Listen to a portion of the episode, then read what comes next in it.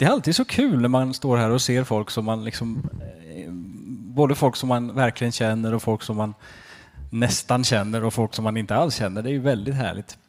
Eh, för er som inte eh, känner mig alls så kan jag säga att jag heter Björn och jag är en man i 40-årsåldern. Jag har alltid velat säga det. Det är så otroligt skönt att få säga det. Därför att det är så krångligt det där. När folk frågar hur gammal jag är så får jag alltid liksom, jag höll länge på så här, då började man säga att man är eh, och så försökte man räkna efter lite fort och så där och sen så kommer man fram till att ja, men jag är född 85. Och så får de göra matten själv. För att jag menar, det, det är liksom eh, det är så krångligt det där tycker jag. För att så fort man liksom har liksom räknat ut någonting och så ska man liksom, ja, men nu har jag lärt mig hur gammal jag är, så då har, visar det sig att då har man redan firat någon slags födelsedag och sen så gäller ju inte den där siffran längre. Och då får man liksom lära sig nya hela tiden. Och när man börjar komma upp i 40-årsåldern så är det svårt att lära sig nya saker. Märker man. Jag skriver fortfarande på en del dokument och sånt där man ska underteckna, så skriver jag fortfarande 2020. Det tyckte jag var modernt då. Att jag hängde med i tiden och sådär. Nu har jag förstått att det inte är så riktigt, så jag håller på och övar på det och jag gör stora framsteg. Jag kan glädja er alla med att, att jag räknar med att, att jag har lärt mig skriva 2022 i alla fall, senast till nyår. Så att eh, det känns ju tryggt. Ja, men hur ska man liksom hänga med i det där? Så fort man har lärt sig liksom att skriva ett årtal så är det redan dags för att skriva ett nytt. Och så där känns det med så väldigt mycket i vårt liv och våran värld. Att allting förändras hela tiden. Att man är ständigt i rörelse. Och det där är ganska komplicerat och det hänger ihop lite grann med det här eh, temat som vi är inne i. Vi är inne i en predikoserie som heter Trygg i Gud, där vi utforskar olika, eh, från olika områden det här med eh, att ha sin trygghet i Gud. Och att vi ska få upptäcka att vi har en trygghet i Gud även när världen omkring oss kan kännas väldigt osäker. Och idag så kommer fokus att ligga på tryggheten i Guds trofasthet. Och kanske lite grann om att stå stadigt mitt i en värld som ständigt förändras. Eh, vi ska gå till en eh, spännande text. En sån där text som är lite farlig att börja läsa för man vet aldrig när man ska sluta för det händer saker hela tiden. Eh, som finns i Andra Kungaboken. Eh, jag tror, om ni tittar i biblarna i bänken så tror jag att det är på sidan 358 ifall ni vill hänga med. Eller 59 är det nog. För vi ska gå till det andra kapitlet. Och här kommer vi liksom in i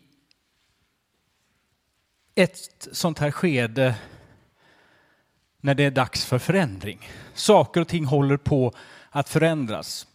Eh, kungaboken är ju en sån här, kungaböckerna eh, är ju väldigt spännande texter. Liksom, det är ett slags sammandrag av en, en, en massa olika krönikor ifrån diverse olika kungar. Och eh, det är ett slags kungarnas greatest hits kan man säga.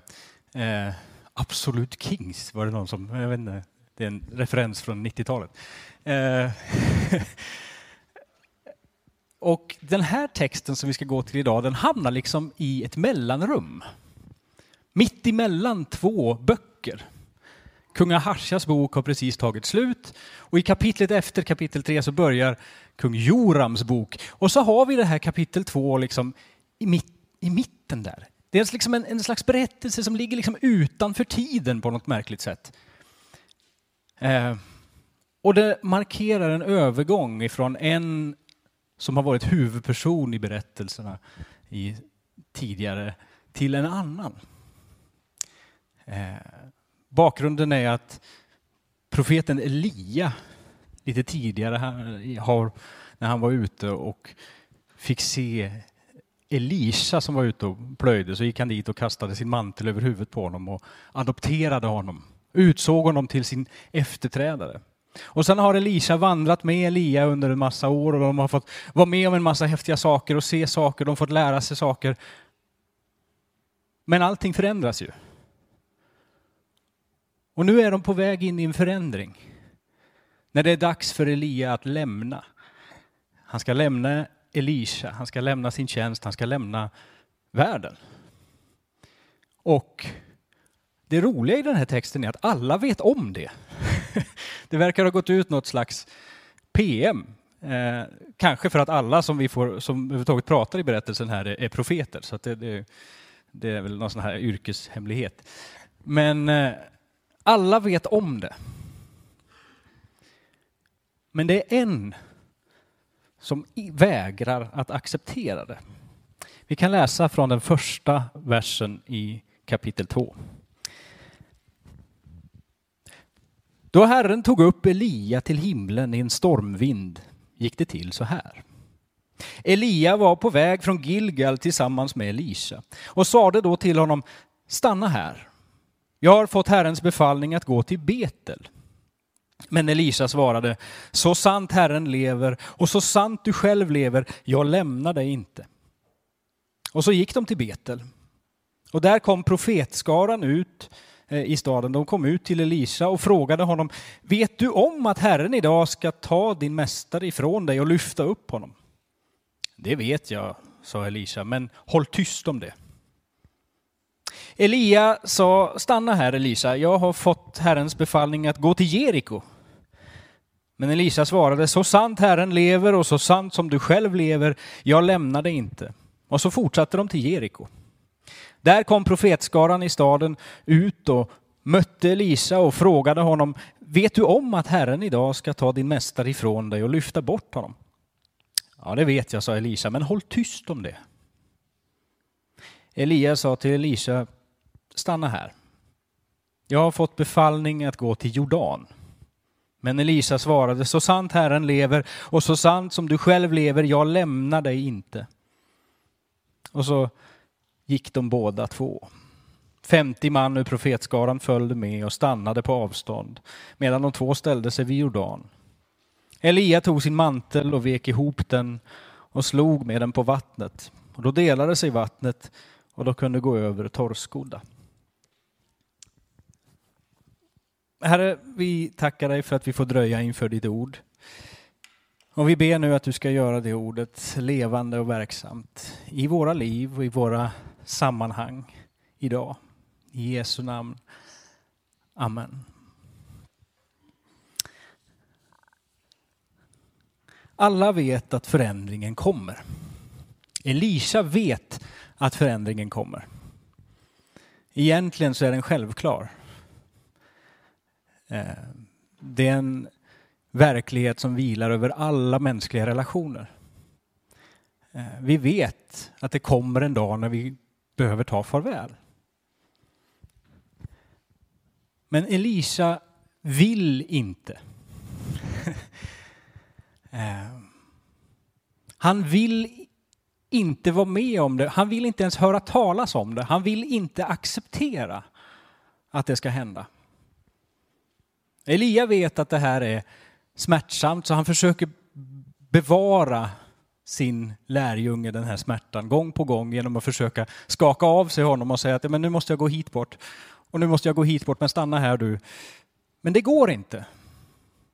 För Elisha han klamrar sig fast vid Elia och säger så sant Herren lever jag lämnar dig inte.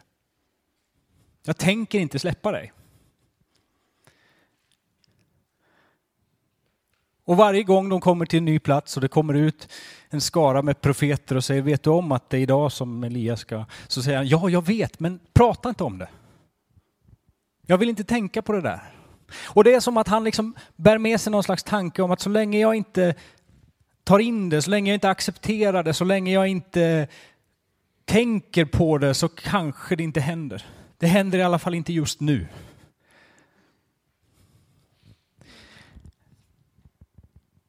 Jag tror att vi människor har generellt ganska svårt för stora förändringar. Det gäller inte alla och inte, all, inte hela tiden. Men eh, väldigt ofta så är det så att vi har svårt för förändring. Ehm, särskilt förändringar som vi inte själva kan styra över.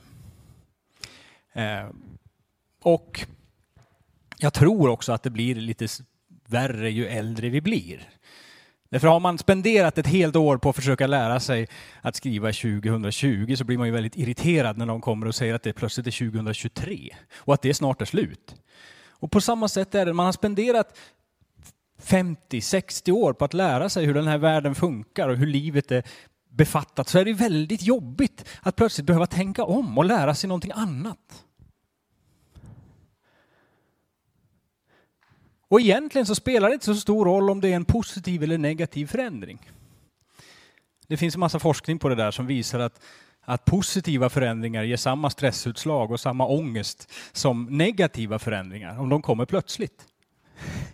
Eh, I, eh, jag såg, det var någon sån här dokumentär där de intervjuade folk från gamla Sovjet som pratade om att när Stalin dog så blev det sån otrolig kris. Alla visste att det var en tyrann. Det var ett skräckvälde han hade skapat och de levde i, i, liksom, i skräck. Men när han dog så var det en katastrof. Därför plötsligt visste man ingenting längre. Och som någon uttryckte det, att gudar ska inte kunna dö. Inte ens onda och straffande gudar.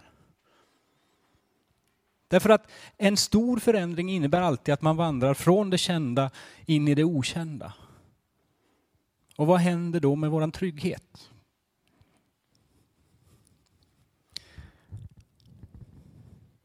När vår trygghet hotas så ligger det nära till hands att vi gör som Elisa gör.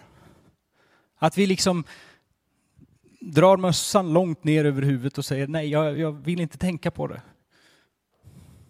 Jag klamrar mig fast vid det som jag känner till. Och intalar mig att så här är det ju som det alltid har varit. Det här är ju det som är normalt. Och vi tystar profeterna som vill komma och berätta om, att det, om en förändring. Vi lyssnar inte på dem. Prata inte om det där. Jag vill inte höra talas om det. Och så tänker vi att så länge vi inte tittar på det så händer det inte.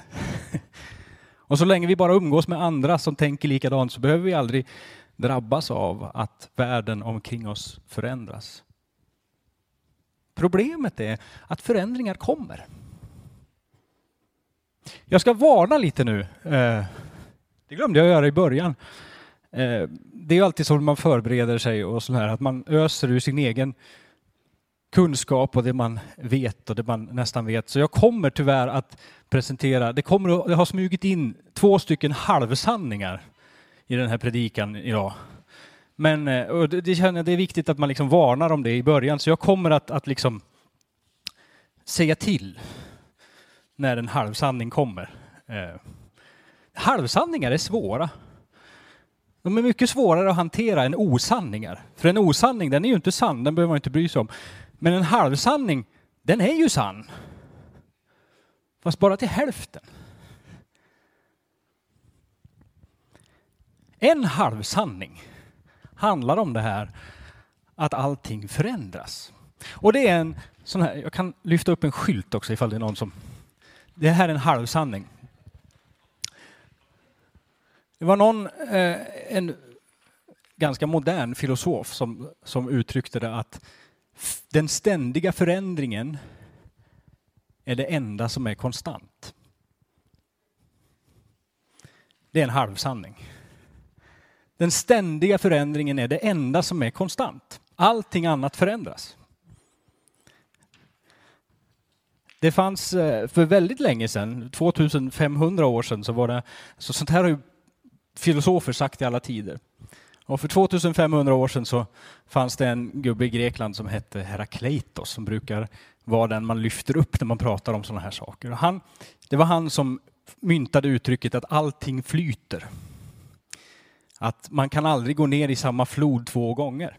Eller det han egentligen sa var att den som går ner i samma flod, runt honom flyter ständigt strömmar av nytt vatten. Eh, så han menar att ska man liksom, eh, om man parafraserar det lite grann, om man säger att det här är min flod, så att säga, då får man ju springa som en tok för att hinna med sitt vatten. För att det kommer, och, det kommer ständigt nytt. Och även om jag tänker att jag kan gå ner i samma flod igen så är det inte samma flod, för vattnet förändras hela tiden. Och den där är ju faktiskt någonting som vi eh, alla vet om. Det är därför det är en halvsanning. Det är sant därför att från födsel till död så lever vi i ständig rörelse. Våra kroppar förändras. Vår världsbild, våra tankar förändras. Våra relationer förändras. Eh, och sanningen är att egentligen så det är en del av Guds goda ordning. Ingenting i skapelsen är evigt. Gud tänkte inte att världen skulle vara som en tavla som, som är statisk. Det är en del av Guds goda ordning att det finns en utveckling och en förändring och en, eh, att livet blir rikare på det sättet. Sen är inte all förändring god. Ehm, och det är någonting som eh, vi också alla känner till. Men att blunda för att förändringen finns hjälper oss inte i det läget. När, eller till slut så kommer ju då både Elisha och alla de andra, de vet ju redan det här, men Elisha kommer till en punkt när han liksom inte kan blunda för det här längre. De har kommit ner till Jordan. Elia slår med sin mantel på vattnet och vattnet delar sig. På samma sätt som när Josua och folket tågade in i landet så delar sig floden och de är bild, alltså ganska talande på väg ut ur landet, ut ur livet, ut ur, fri, ut ur den här kända trygga världen så att säga. Och på vägen ut, när de är mitt i den här på flodbädden, så vänder sig Elia till Elisa och säger, hör du, jag kommer att lämna dig nu. Nu finns det liksom ingen återvändo. Det går, det går inte att smyga runt det längre. Utan Elias säger, jag kommer att lämna dig nu. Finns det någonting som du önskar att få när jag har gått ifrån dig? Och Elisa svarar att jag skulle vilja ha en dubbel arvslott av din ande. Alltså det Elisa ber om är egentligen en, den förstfödde sonens arvsrätt. Han har blivit adopterad av Elia. Eh, och han ser Elia som sin far och nu ber han om att få den förstfödde sonens arvsrätt som enligt Mose lag var en dubbel arvslott. Och Elia han säger att ja, det är ju ingen liten sak du ber om. Det är inte så enkelt. Men om du ser när jag lyfts upp så blir det så, men inte annars. Alltså, Elisa ber om att få den förstfödde sonens arvsrätt, var den som tar över efter, som ärver Elias ämbete. Och Elias säger, det är möjligt, men det är svårt. Ska du kunna ta över, om du ska kunna göra nytta på det sättet som jag har gjort nytta, så finns det en förutsättning. Du måste våga se förändringen. Du måste våga stå kvar. Utan omskrivningar, utan bortförklaringar. Du måste stå kvar och se. Då kan du bli profet. När jag studerade på ÖTH för länge sedan jag har slutat räkna hur många år sedan det var för att det förändras ju hela tiden. Så, eh, så fick vi lära oss att en profet är en människa som står med Bibeln i ena handen och en dagstidning i den andra. Som alltså både står väl förankrad i ordet, men som också vågar se sanningen om världen omkring oss. Som har båda ögonen öppna. Och det är alltid väldigt frestande att, att liksom bara ha det ena. Liksom. Eh, därför att världen blir mycket lättare att förstå då. Det är bara det att om man frågar en optiker så skulle han fråga, ser du bättre nu eller nu? Nu eller nu? Gud behöver människor som är klarsynta och som ser världen inte som man tycker att den borde vara, utan som vågar se den som den faktiskt är. Som vågar stå kvar och se förändringen utan att förklara den.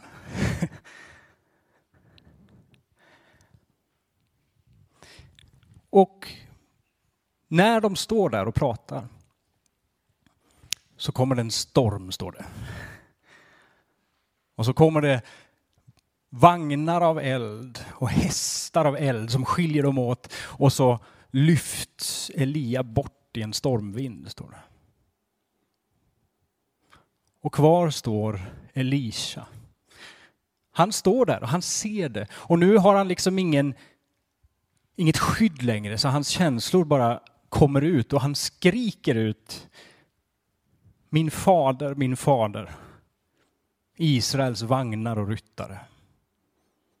Alltså, du som är min trygghet, min fasta punkt, min far. Och inte bara min, utan hela folkets beskydd. Du som är ett starkare beskydd än alla hästar och vagnar och ryttare. Du som är våran borg. Och sen står det att han ser inte Elia mer. Och då river han sönder sina kläder i förtvivlan. Han eh, är helt ärlig. och kan inte göra någonting annat. Så länge han liksom kunde hålla den här eh, händelsen borta ifrån sig så hade han fortfarande känslan av någon slags kontroll. Men nu står han där och han ser det och han kan inte göra något annat än att reagera. I förtvivlan. Och sen tar han upp Elias fallna mantel som ligger där. Därför att hur stor den här stunden än är och hur förvirrad Elisa än är så är det dags att gå hem. Det kommer en punkt när man måste tillbaka. Och ofta är det så, för den som har mist en närstående så kan det steget vara det jobbigaste. Det här steget när det är dags att kliva över tröskeln in i livet igen. Ehm, den där steget som man alltid har tagit tillsammans med någon annan och nu ska man ta det ensam. Och plötsligt kan den där tröskeln kännas väldigt hög. För Elisa så är det väldigt bokstavligt. För plötsligt så står han vid den här floden som forsar och strömmar och han verkar inte ha reflekterat över det där i förväg. Därför att för några minuter sedan och en evighet sedan så gick han över den där floden tillsammans med Elia. Men nu står han där ensam. Eh, och han måste korsa floden för att komma hem och kunna fortsätta sitt liv. Han vet inte hur han ska göra. Och han har aldrig varit i den situationen förut. För Elia har alltid varit med honom. Hans far, vagnarna, ryttarna, han som var tryggheten. Och så står han där och så tar han den här manteln och så slår han på vattnet och så kommer en otrolig fråga ur honom. Den kanske viktigaste, centralaste frågan som han kan ställa i det ögonblicket. Han frågar var är Herren i Elias Gud? Var är Herren nu? Elias Gud. För det är så han har lärt känna Herren. Inte min Gud, inte Israels Gud, utan Elias Gud. Han som ständigt var med. Och Elia var liksom ankaret och tryggheten. Och Elisa kunde vara trygg i sin tro och sin tillit på Gud därför att han visste att Elia var det och Elia kunde man lita på. Eh, en del av oss har haft sådana personer i sitt liv. Jag har det. Som gjorde saker och ting så enkelt. Där det var lätt att tro. Därför att jag litade på dem. Och så kom en dag när den personen inte fanns med mig längre. Och då kommer den frågan. Elia fanns här, han var min trygghet. Elia är borta. Finns hans Gud kvar? Hör han mig? Ehm.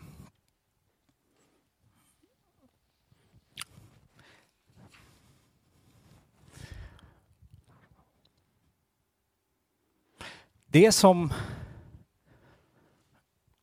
gör att vår trygghet kan kännas väldigt osäker i förändringen. Det är ofta att vi har väldigt mycket omkring oss som vi binder upp tryggheten i. Det gör vi utan att vi tänker på det.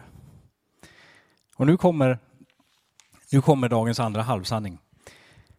Eh, det som vi, eller snarare så här, våran trygghet är aldrig starkare än det vi har bundit tryggheten vid. Vår trygghet är aldrig starkare än det vi har bundit tryggheten vid. Problemet för Elisa, som han får erfara i det här ögonblicket, det är att han har bundit sin trygghet i någonting som är förgängligt. Och det trodde han inte under tiden. Han litade på Gud och på framtiden och på livet och på att allting funkade därför att han litade på Elia. Och Elia var stadig och en stabil klippa och det kunde ju inte vackla liksom. Och plötsligt är Elia borta och då upplever han att hela hans trygghet har försvunnit också. Och det där är ofrånkomligt med tanke på att vi har så mycket som vi fäster vår trygghet i och som vi sa förut så är allting i skapelsen förgängligt. Vi kommer alltid till en punkt när det som jag litade på, det jag band min trygghet och mitt hopp vid, inte längre finns kvar. Och så upplever jag att min trygghet är inte starkare än det jag har bundit den vid.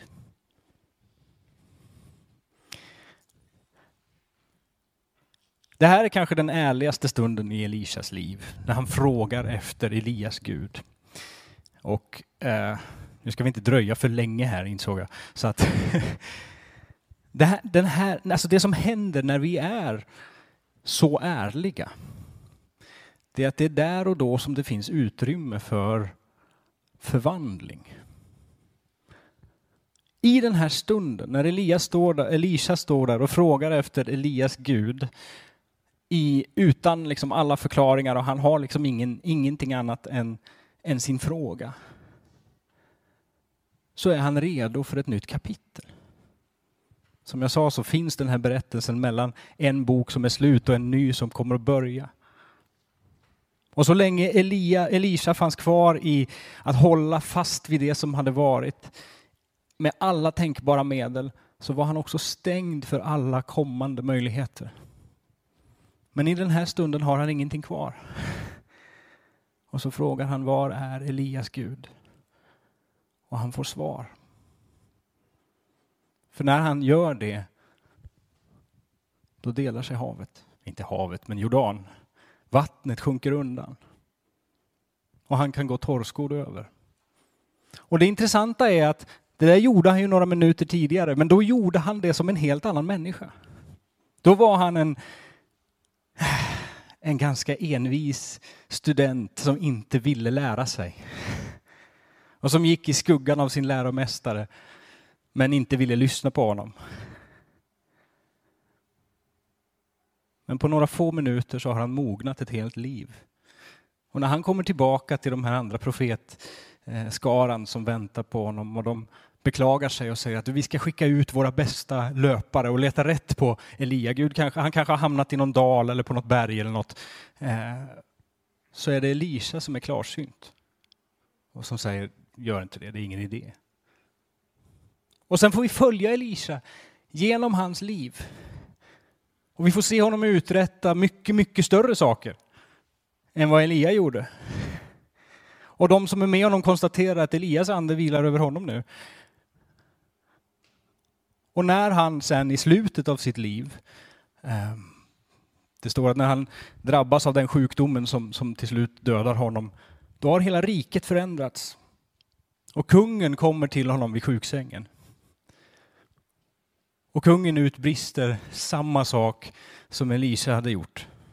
Min fader, min fader, du Israels vagnar och ryttare. Den osäkra otrygga unga mannen.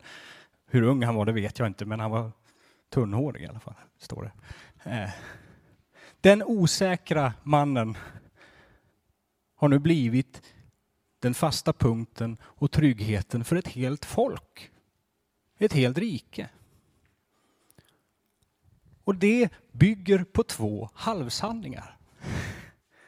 Nästan. Den första halvsanningen. Är det någon som kommer ihåg vad den var?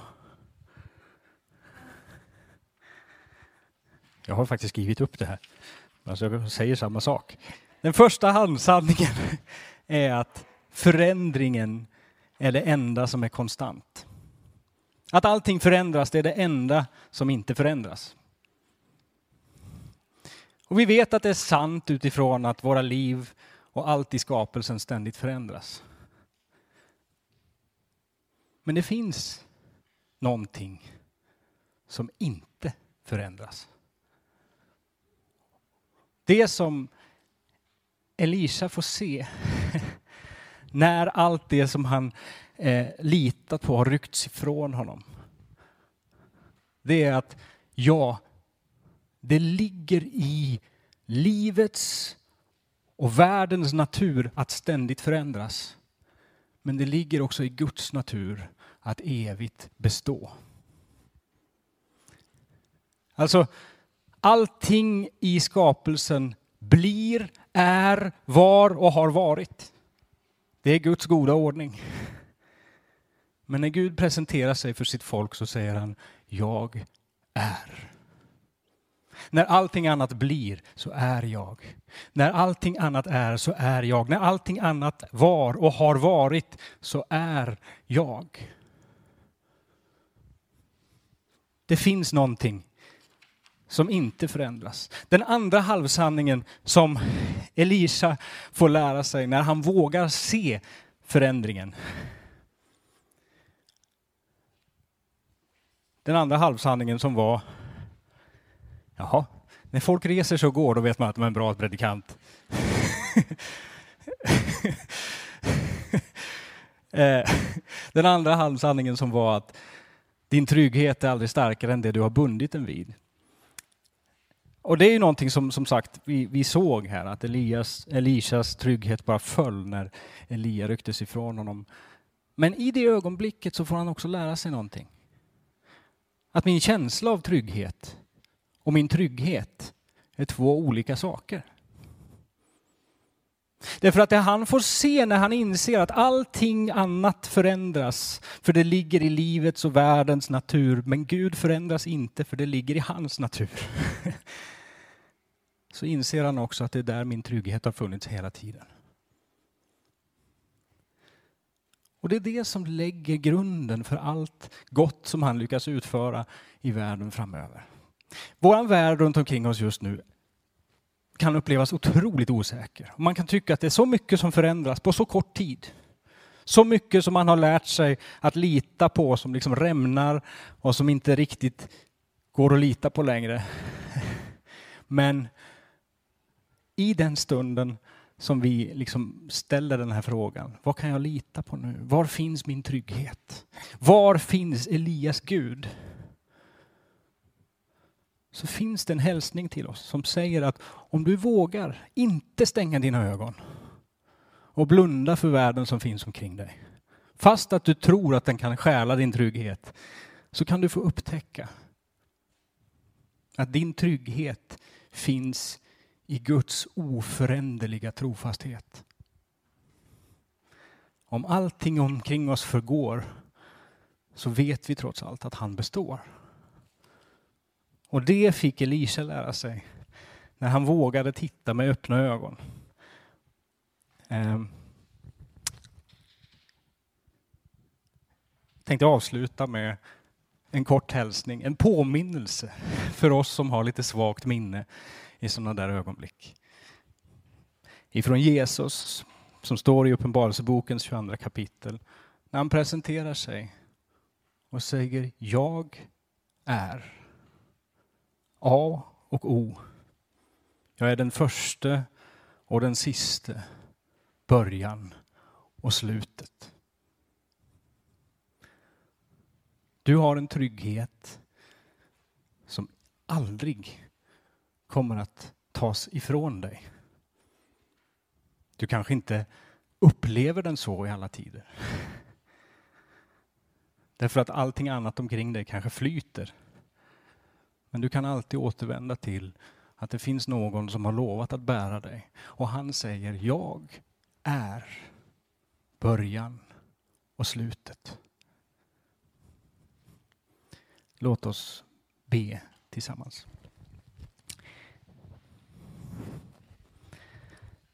Herre, vi vill tacka dig för att vi har nåden att mitt i livet få stanna upp. Och var vi än befinner oss någonstans så har du möjligheten att kalla oss samman och stämma våra hjärtan till gudstjänst. Vi tackar dig för att vi har fått dröja inför ditt ord och för att du idag har gett oss en hälsning. Och vi ber att vi ska ta tillvara på den. Att den ska få verka i våra liv. Att den ska få bryta fruktans udd.